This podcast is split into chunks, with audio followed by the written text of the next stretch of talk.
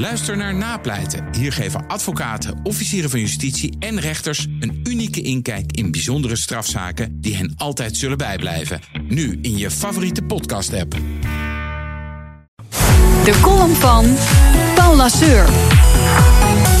Met het lekkere voorjaarsweer komen ze weer massaal naar buiten. De mammals. Middle-aged men in Lycra.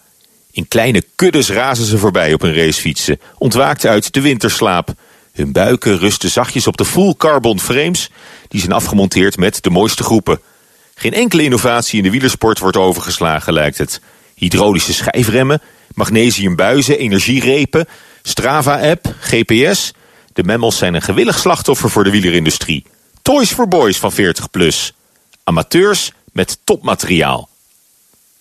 Echte professionals weten wel beter. Zo leerde ik op de duikschool van onze instructeur Jeroen. Een stoere, zwijgzame kerel vol tattoos. Ex-commando, brandweerman. In een spoedcursus van drie dagen bracht hij mij en mijn tienerdochter de fijne kneepjes van de duiksport bij. Op zondagmiddag was het zover en kregen wij trots ons Paddy duikbrevet uitgereikt. Ons ticket naar een exotische onderwaterwereld. Wij waren nu ook echte duikers. Net als Jeroen, die zijn belangrijkste les voor het laatst had bewaard. Wat nou zo jammer is aan het duiken tegenwoordig, sprak onze mentor, het is zo'n spullensport geworden. Ik knikte instemmend, terwijl ik beschroomd mijn James Bond duikhorloge onopvallend achter mijn rug verborg. Het schiet nog vaak door me heen. Spullensport. Wanneer de uitrusting belangrijker wordt dan de sport zelf. Want niet alleen de duiksport is ermee besmet. Bijna elke sport of hobby, van mannen boven de 40 en een BMI boven de 25, kan worden gekwalificeerd als spullensport. Zeilen, golfen, skiën, maar ook fotografie en koken zijn verdacht. Het is een miljardenindustrie. Toch is het wielrennen de koning onder de spullensporten. Want kun je niet beter eerst de fiets van iemand lenen om te kijken of het wat voor je is? Dat zou mijn moeder hebben gezegd toen ik jong was. Maar toen beschikte ik nog over te veel tijd en te weinig geld.